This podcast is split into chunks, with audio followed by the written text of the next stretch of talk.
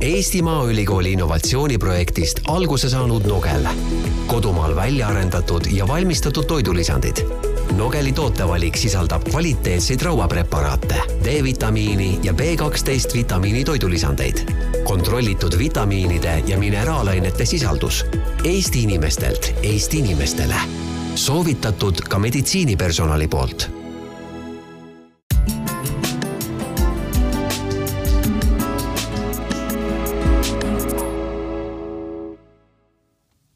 tere, hea kuulaja! algab Pere ja Kodu podcast Üheksa kuud ja mina olen Katariina Ratassepp. kui selle saatesarja põhiosades me keskendume raseduse eri kuudele, siis äh, erisaadetes nagu praegugi, me räägime muudel olulistel teemadel, mis siis last ootavatele peredele või siis äh, ka väikese beebiga peredele võivad olla aktuaalsed ja põnevad. ja täna me räägime sellisel teemal, mis ei puuduta sugugi mitte ainult äh, last ootavaid peresid ega ka mitte ainult neid, kellel on lapsed. me räägime sellisel teemal, mis puudutab äh, tegelikult eriti meie kliimavöötmes kõiki inimesi. nimelt me räägime D-vitamiini olulisusest. ja selleks on meil telefoniühendus Laura Visnapuuga ettevõttest Noogel. tere, Laura! tere!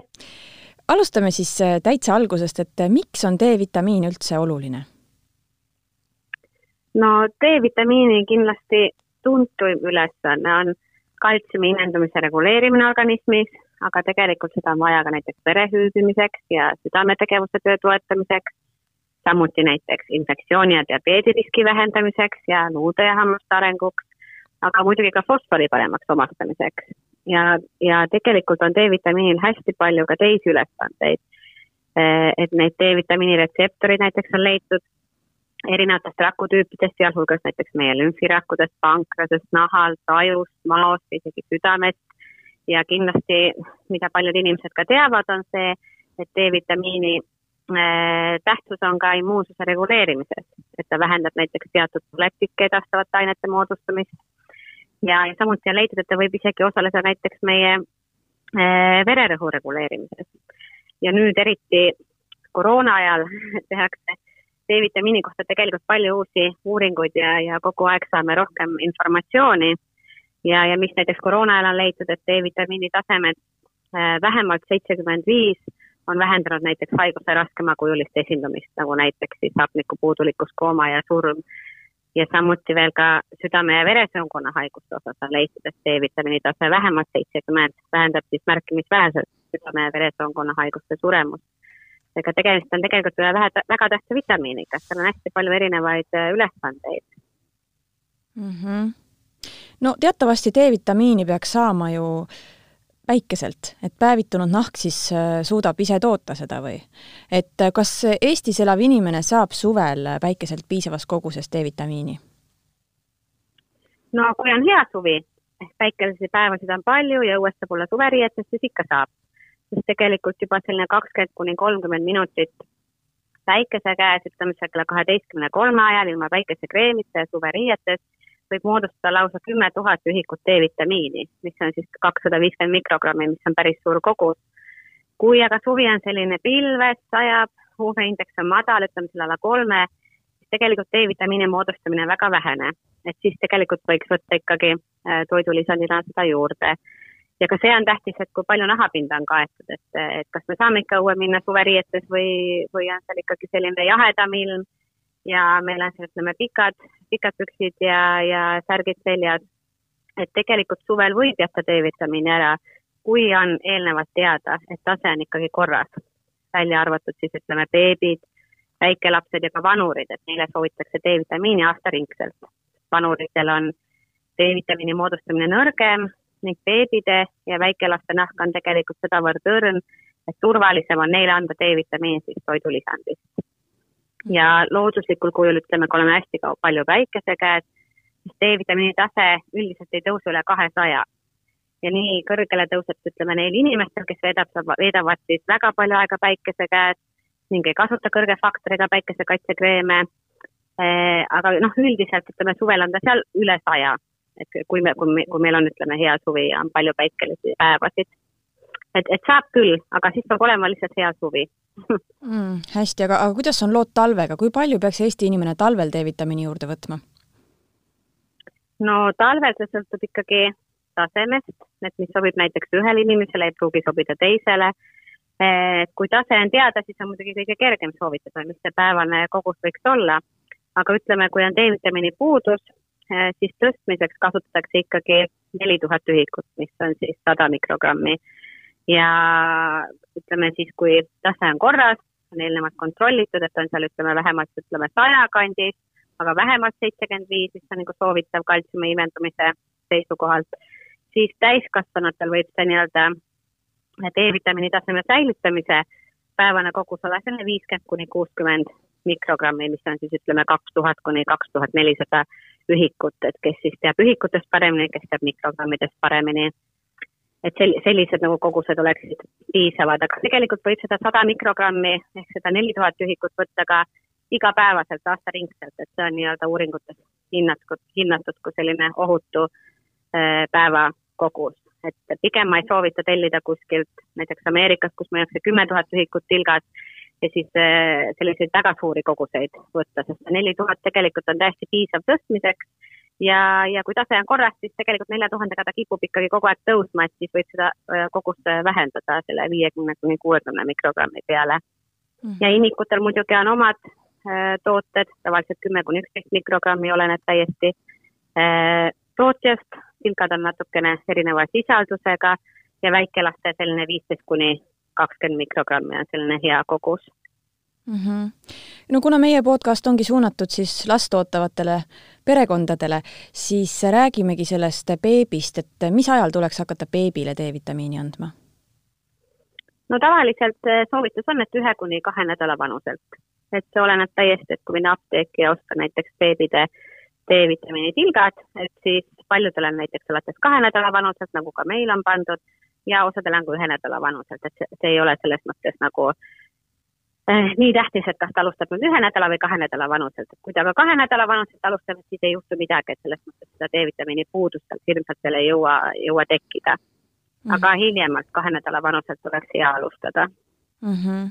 ja mis see kogus täpselt oligi siis beebile? no beebile on tavaliselt see kümme kuni üksteist mikrogrammi, mis nendes rahvusvahelistes ühikutes on see nelisada kuni nelisada nelikümmend, oleneb siis valmistajast, et selline paari mikrogrammine vahe ei mängi siin mingit rolli. ja beebide maksimaalne päevane kogus alla üheaastastel on kakskümmend viis mikrogrammi, mis on siis tuhat ühikut. ja need kogused siis äh, äh suurenevadki alates esimesest eluaastast. ja tavaliselt see beebide kogus kümme kuni üksteist mikrogrammi päevas on täiesti piisav hea D-vitamiini taseme säilitamiseks, aga samamoodi nagu täiskasvanute puhul on ka hea siis beebidel tase kontrollida, kas või nüüd ühe korra selle esimese eluaasta jooksul, et kas, kas tal see tase on hea ja kui tase on väga madal miskipärast, et siis võib ka beebidel seda kogust tõsta, aga selline kakskümmend viis mikrogrammi päevas on neile nii-öelda see maksimaalne ohutu äh, kogus siis, mis on, mis on nii-öelda Eh, pandud siis näiteks Veterinaar- ja Toiduameti poolt, et võtta arvesse siis, kes toidulisandeid toodavad mm. -hmm. kui beebi sünnib suvel, kas siis sellest on ka mingit kasu e,? ikka, ka suvel sündinud beebidele soovitatakse D-vitamiini, sest ega keegi oma beebid kohe päikese kätte ei pane ja tihti ongi, et nad magavad seal vankrites, et ega nad väga palju seda päikest ei saagi ja, ja tegelikult beebi nähk on ikkagi sedavõrd õrn, et äh, et neile tuleks aastaringselt anda ikkagi D-vitamiini samamoodi ka väikelaste puhul.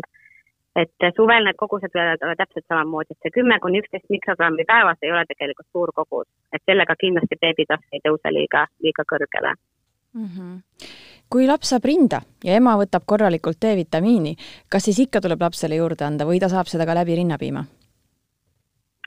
no ikka vaja anda, sellepärast et rinnapiim küll sisaldab D-vitamiini, aga ikkagi väga minimaalselt. Et selles mõttes, et ta beebide D-vitamiini taset väga küll ei tõsta. ja rinnapiim sisaldab siis nii D3 kui ka D2 vitamiini, millest siis D2 tegelikult ei muutu väga efektiivselt maksaskaltsidiooliks, mida me siis vereprooviga mõõdame kui D-vitamiini varu. ja kuigi on küll leitud, et neid, need emad, kes siis kasutavad D-vitamiini toidulisandeid, neil on rinnapiimas kõrgem tase muidugi, võrreldes siis näiteks nende emadega, kes on D-vitamiini puudulikud. aga ikkagi see, see ei ole piisav eh, sellele beebile, et rahuldada tema päevast vajadust. et ikkagi kipub olema nii, et, nende beebide D-vitamiini tasemed on hästi-hästi madalad ja neil on ikkagi rahiidirisk, kes siis üldse D-vitamiini ei saa. et äh, kui nüüd mõelda, et kui nüüd laps sünnib näiteks sügisel, eks ju, et kui UV-indeks meil on juba septembris alla kahe, no siis isegi kui me kärutaksime temaga hästi palju õues ja kui ta saaks kuskilt sealt päikestki, no siis see UV on lihtsalt nii madal, et, äh, et see, see ei tooda enam, meie nahk ei tooda selle madala UV mõjul seda D-vitamiini, eks ju, kolekaltsiferooli, D-vitamiini, seda esimest eh, nii-öelda astet, et äh, ikka tuleb anda mm. -hmm. räägime natuke nüüd siis eh, noogelsi D-vitamiinist, et milline see D-vitamiin on, mis selle koostis on, mille poolest see teistest parem on? No meie tugevus on kindlasti lihtne lisaainete vaba retsept, mis sisaldabki siis beebide D3 tilkades maheoliiviõli ja D3 vitamiini. ja, ja kindlasti on meie tugevuseks ka põhjalik tootearendus, kus teeme siis korralikud mikrobioloogilised uuringud ja peale iga uue partii tootmist me kontrollime ka D-vitamiini sisalduse, et ma võib-olla tooksingi välja, et see on meie kõige nii-öelda tugevam koht, et mitte ükski uus partii ei lähe enne müüki, kui laborist on siis vastus käes. Ja tegelikult toidulisandite puhul need hälbed, mis on lubatud, et kui palju vähem võib seal D-vitamiini olla või kui palju rohkem võib olla, olenevalt sellest, kui täppi on siis äh, doseerimisega saadud, on tegelikult Eestis näiteks, et äh, kakskümmend protsenti vähem ja viiskümmend protsenti rohkem, et seal on lubatud päris suured hälbed. et kui ma nüüd kontrollisin näiteks meie viimast tootmist, mis meil oli see neli tuhat ühikut D-vitamiin, see kõige kangem meie valikus, siis meil näiteks ühest tilgast tuli nelja tuhande asemel kolm tuhat üheksasada üheksakümmend viis. Ehk meil oli eksimus vaid null koma sada kakskümmend viis protsenti mis on tegelikult hästi-hästi täpne doseerimine, et sellist sadaprotsendilist täpsust kindlasti kellelgi väga ei olegi, sest eh, noh, mikrogrammides on eriti raske doseerida, nagu on D-vitamiin ja kõigil ongi nii-öelda see eh, number siis, mis seal tilgas on pandud pakendile, see nii-öelda väärtus, kuhu üritatakse võimalikult lähedale saada. aga seda, et kas teised kontrollivad, eks ju, ja kui palju nad kontrollivad ja kas peale iga partiid, et see ei ole otseselt kohustuslik et siis äh, väga, väga ei teagi, et mis seal teiste, teiste tootjate toodetes võib olla, et väga, väga võimalik, et paljud kontrollivad, aga otseselt ma ei ole näinud veel ühtegi preparaati Eesti turul, kes tooks välja, et nad, et nad seda teevad äh, peale meie. et meil tõesti iga partii läheb alati kontrolli riiklikes, riiklikesse laboritesse ja kui tulemus on korras, alles siis paneme müüki. et siiamaani meil on olnud hästi täpsed doseerimised, et võib kindel olla, et seal on just see kogus D-vitamiini, mis on siis pakendil lubatud, et võimalikult selle lähedale on doseeritud mm. -hmm. kui hästi see vitamiin üldse imendub? no meie D3 on sama nagu teiste tootjate D3 mis on siis tehtud lanoliini baasil, ehk need ei ole kahjuks sobilikud veganitele. Äh, on olemas ka vetikates tehtud D3 vorm, mis on siis testitud küll väga väikestes kliinilistes uuringutes ja on leitud, et ta on küll biosaadav aga ta ei ole veel nii laialt kasutuses, ega päris üks-ühele ma neid vorme ei oskagi hetkel äh, võrrelda. aga kolekaltsitserool ehk D3 imendabki tegelikult äh, kõige paremini D-vitamiinidest, teine variant oleks siis D2 ehk ergokaltsitserool, mida enam minu arust Eesti turul üldse ei müüdagi, et seda me näiteks looduslikul kujul saame seentest. aga äh, D3 imendab toidust näiteks umbes viiekümne protsendi ulatuses ja toidulisandite puhul on hinnatud, et see protsent on natukene kõrgem mm. -hmm. nii et ikkagi päris hästi siis, jah? Äh, jah, selles suhtes, et ta tõstab küll tõstab mm -hmm. küll taset ja hoiab seda taset, kui see kogus on lihtsalt äh, piisavalt suur, et kui inimene ikkagi manustab liiga väikest kogust, siis D-vitamiini tase muidugi hakkab langema.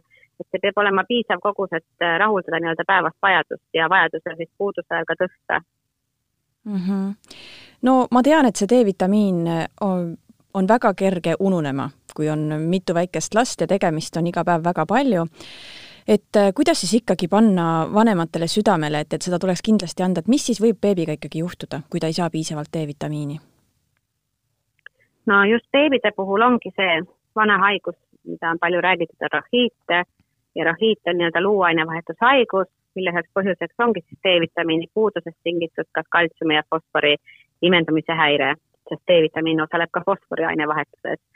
Ja mis siis põhimõtteliselt äh, juhtub luudega, et luud pehmenevad, kõige tavalisemateks luudeks on näiteks koljuluu, kõndival lapsel jalaluud, et lapsel on kõverad jalad, võib esineda ka näiteks hammaste arenguhäired, kasv aeglustub ja ka muidugi suurem risk äh, luumurdudele ja selline lihasnõrkus võib esineda. aga samas kõik need sümptomid, mis võivad tulla, ei ole üldse selle haiguse esimeses staadiumis, vaid juba kui D-vitamiini puudus on pikemat aega olnud ja tavaline aeg haigestumiseks ongi, ütleme, kuus kuni kümme kuud. et sellepärast olekski hea, et kui nüüd ema otsustab, et mingitel põhjustel tema D-vitamiini oma beebile anda ei taha, et enne kolmandat elukuud kindlasti ikkagi kontrollida see D-vitamiini tase, sest suure tõenäosusega see on väga-väga madal. et noh, arengumaades nagu on Eesti, rahiiti praktiliselt äh, enam üldse ei ole, ei väikelaste seas, eks ju, ega beebide, aga nüüd ma leidsin just ka kahe tuhande üheksateistkümnenda aasta artikli, kus siis üks äh, perearst oli just kirjutanud, et Eestis on olnud mõned rahiidi juhtumid jälle tagasi ja just nende emade lastel, kes on siis mingitel põhjustel äh, keeldunud D-vitamiini andmast ja nende beebide D-vitamiini tasemed on hästi madalad, et ütleme, rahiidi puhul need tasemed on juba alla kahekümne, et need tasemed on tõesti hästi madalad. ja, ja mis veel D-vitamiini puhul on see, et miks see puudus nii kergelt tekib, on see, et D-vitamiini nii-öelda poolestusaeg on organismis ainult selline viisteist kuni kolmkümmend päeva, et see tähendab seda, et kui minul täna oleks tase näiteks sada ja ma lõpetaksin täiesti D-vitamiini kasutamise, ütleme toidust seda saab ikkagi niivõrd vähe ja ei ole suvi ka, et siis ütleme kahe kuni nelja nädala pärast see tase on viiskümmend. et see langeb hästi kiiresti, et sellepärast ongi vaja, et seda ikkagi igapäevaselt manustame, võib ka iga teine päev võtta, võib ka iga kolmas päev võtta, oleneb, mis koguseid siis inimesed võtavad, aga beebidele on jah, kõige kindlam anda ikkagi kord päevas, beebide väike kogus ütleme siin esimese eluaasta jooksul, kui nagunii on vaja minna näiteks vereproovi võtma perearsti juurde, et siis paluda ka see D-vitamiin, mida väga tihti perearstid tegelikult juba automaatselt kontrollivad. aga jah, niimoodi, et täiesti ära jätta D-vitamiini ja loota, et käime lihtsalt äh, vankriga jalutamas ja oleme lihtsalt värskes õhus, et selle tulemusel ikkagi need tasemed on väga madalad, et, et, et organism ei tooda seda D-vitamiini, kui see lapsel lihtsalt vankris on, et ta peab olema siis otseselt päikese käes siin ütleme juuni, juuli, august, aga kes ikka oma beebit paneb, eks ju, sinna otsa päikese kätte, et ikkagi on turvalisem anda see, anda see ikkagi toidulisandi kujul mm. -hmm. aga kuidas täiskasvanule üldse mõjub vähene D-vitamiini kogus või vähene D-vitamiini tase, et kas ta põhjustab sellist äh, väsimust ja jõuetust? No täiskasvanutel jah, ütleme täiskasvanute rahiit ei, rahiit ei juhtu, eks ju, see on ikkagi beebide puhul aga täiskasvanutel samamoodi, et mis on tavalisemad haigused, on osteomalaasia ja osteoporoos hiljem. osteomalaasia tähendab seda, eks ju, luutihedus on äh, juba vähenenud, osteoporoos on sellest, eks ju, järgmine tase, et luutihedus on juba sedavõrd äh, vähenenud, et on kõrgem luumurduse risk. samas noh, kõige rohkem tuuakse esile just seda kaltsiumi ja fosfori imendumist, mis siis on luuainevahetuses hästi tähtis, aga tegelikult D-vitamiinil on ju palju teisi rolle, et just kehvem immuunsussüsteem, et äh, võib haigestuda kergemini näiteks äh, ülemiste hingamisteede infektsioonidesse. Äh, ja samamoodi ka näiteks südame- ja veresoonkonna haigused, sest D-vitamiin on vajalik ka südame-lihase töös, et need, need, neid ütleme, kui D-vitamiini puudus on, et see mõjutab tegelikult kogu organismi, et see ei ole ainult see, et me mõtleme kogu aeg selle kaltsiumi, fosfori imendumise peale, et meie, et meie luud oleksid tugevad. et, et seal on palju, palju neid tähtsaid tähtsaid omadusi, mida me tahame sealt vitamiinist saada mm. -hmm no lõpetuseks äh, kummutaks ühe müüdi, et äh, olen kuulnud, et paljud emad kardavad rahv-, rasvlahustuval kujul D-vitamiini, et, et see põhjustab las-, lastele gaase või siis äh, kõhupuhitust, et kas see vastab tõele? no seda jah, tõesti levib just erinevaid veebifoorumeid ja gruppe lugedes. Ja tegelikult seda peetakse ikkagi jah, müüdiks. Kuigi väga paljud emad võib-olla ei taha seda uskuda ja näinud oma beebide puhul, et kui nad on vahetanud preparaati, et siis ütleme, beebil on olnud vähem gaase. aga sellist teaduslikku alust sellel ei ole, et ei toitumisteadustes ega ka siis meditsiinis. et kui me mõtleme D-vitamiini peale D3, eks ju, kolekaltsiferool, see on rasvlahustuv vitamiin ja kui me ostame seda vesilahustuval kujul, siis tegelikult on see täpselt sama rasvlahustuv D3 vitamiin, mis on siis segatud suure koguse emulgaatoriga, sest rasv ja vesi omavahel ei segune ja siis saab seda vesilahustavat versiooni kasutada ja segada näiteks veepõhjal tootesse. aga kui me mõtleme nüüd enamusi tooteid, mis turul müüakse, mis on tehtud õli sisse, siis see üks tilk, mida beebi päevas saab, sisaldab õli tegelikult keskmiselt null koma null kolm milliliitrit. et see on nii pisikene kogus, et olgu see siis oliiviõli, kookosõli või mingi muu õli, mille siis see tootja on selle toote teinud siis selline pisikene kogus tegelikult ei mõjuta soolestikku. et äh, miks beebidel gaasid tekivad, eks ju, eelkõige ikkagi nende areneva soolestiku tõttu, samuti nii rinnapiima kui ka pudelibeebid, neelavad palju õhku alla söögi ajal, see õhk peab ju kuskilt välja tulema. et mõnedel beebidel on näiteks rohkem gaase, mis tekivad siis, kui sool venib ja põhjustab neile valu, teised näiteks oksendavad rohkem või siis krooksuvad rohkem et tegelikult selliseid gaase, mis põhjustavad valu, on ka täiskasvanutel, et see on just tingitud sellest soole venimisest, aga kuna vastsündinu soolestik on palju rohkem arenemata, eks ju, ja, ja palju tundlikum, siis temale tekitab see soole venimine hirmsat valu. aga otsest seost selle, sellega nüüd vastsündinute puhul ei ole, et kas ta saab nüüd päevas imeväikese koguse näiteks oliiviõli koos D-vitamiiniga või mitte. et gaasid on tegelikult äh, normaalne soolestiku arengu nii-öelda nähtus, selline periood need lähevadki nii-öelda pika peale mööda. ja näiteks minu esimesel lapsel oli samuti gaasivalud esimesel paaril kuul ja ma jätsin lihtsalt D-vitamiini testi andmata paar päeva, et ma tahtsin ise ka natuke eksperimenteerida. sellel ei olnud mitte mingit efekti minu lapse puhul, eks ju, et samamoodi olid gaasivalud edasi. ja samas mäletan jälle seda, kui palju ta tegelikult ahmis, kui ta rinnast sõi, kus oli ka perioode, kus ta oksendas paar korda päevas ja, ja noh, muidugi alati soovitatakse beebit peale söötmist krooksutada, olgu see siis linnast või pudelist, et see üleliigne õhk siis saaks väljuda. aga no mingil määral jääb seda ikka nii või teisiti soolde ja just selle õrnema soolestiku tõttu siis see soole venimine on neile väga valus. ja siis samamoodi tuleb mõelda, et need beebid, kes on siis sündinud näiteks keisrilõikega, neil võib olla rohkem soolestikuprobleeme ka hilisemas eas, sest nende soolestiku mikrofloora ei areneb päris samamoodi nagu loomuliku sünnituse teel sündinud beebid, kes siis puutuvad kohe sünnituse ajal ema erinevate bakteritega kokku. ja ka piimasegusid saavatel lastel võib olla soolestiku mikrofloora natuke erinev võrreldes siis rinnapiimalastega, sest äh, lehmapiima baasil tehtud äh, imikute segud sisaldavad näiteks rohkem kõva küllastunud rasva ja vähem nii-öelda neid polüküllastamata rasvhappeid, mida meie rinnapiimas aga kordades rohkem ja ka kõik see, mida imetav ema sööb, mängib rolli ja tegelikult muutuseid ema toidurasvhappe koostumises võib näha juba rinnapiimalt mõne tunniga. et tegelikult ei pea kartma seda D-vitamiini kasutamist, et kui see on nüüd õli sisse tehtud toode, et see on rasvlahustav vitamiin ja see imendubki kõige paremini, kui seda manustatakse koos rasvaga. aga kui tahta kasutada seda teist, eks ju, vitamiini, mis on tehtud eh, vee põhjal tootesse, siis see täpselt samamoodi tõstab D-vitamiini taset lihtsalt tavaliselt need vee põhjal tooted sisaldavad hirmsas koguses erinevaid tegelikult lisaaineid, mida beebidele ja väikelastele üldse toidulisandides ei soovitata. et siis iga ema nii-öelda oma otsus mm. -hmm no aga aitäh, Laura Visnapuu, andmast nii põhjaliku ülevaate D-vitamiinist. ma küsiks lõpetuseks nüüd veel seda, et kust saab osta Noogel D-vitamiini? no meie D-vitamiinid on kindlasti müügil meie e-poes, aga meil on ka hästi palju edasimüüjad üle Eesti, kindlasti juba issand äkki juba saja viiekümne kanti, et äh, apteegid äh,, küll sortiment natuke varieerub, näiteks beebide D-vitamiin on minu apteekides, teistes ei tohiks olla veel, aga siis hästi palju teisi edasimüüjad, kes on kõik leitavad meie kodulehel ostukohtade all, et äh, paljudel on ka e-poode erinevad loodus, ökopoodide ketid, et üldiselt ükskõik kus ka Eestis ei ela, et alati leiab koha, kust osta või kui ei leia seda otsest äh, poodi kuskilt, siis saab alati netist tellida. aitäh sulle, Laura, veel kord! aitäh, armas kuulaja, et meid ära kuulasid. kõik meie saated on ikka leitavad SoundCloudist, Spotify'st, iTunes'ist ja teistest suurematest podcast'ide rakendustest. leia meid üles, hakka jälgima ja uued saated jõuavad esimesena sinuni.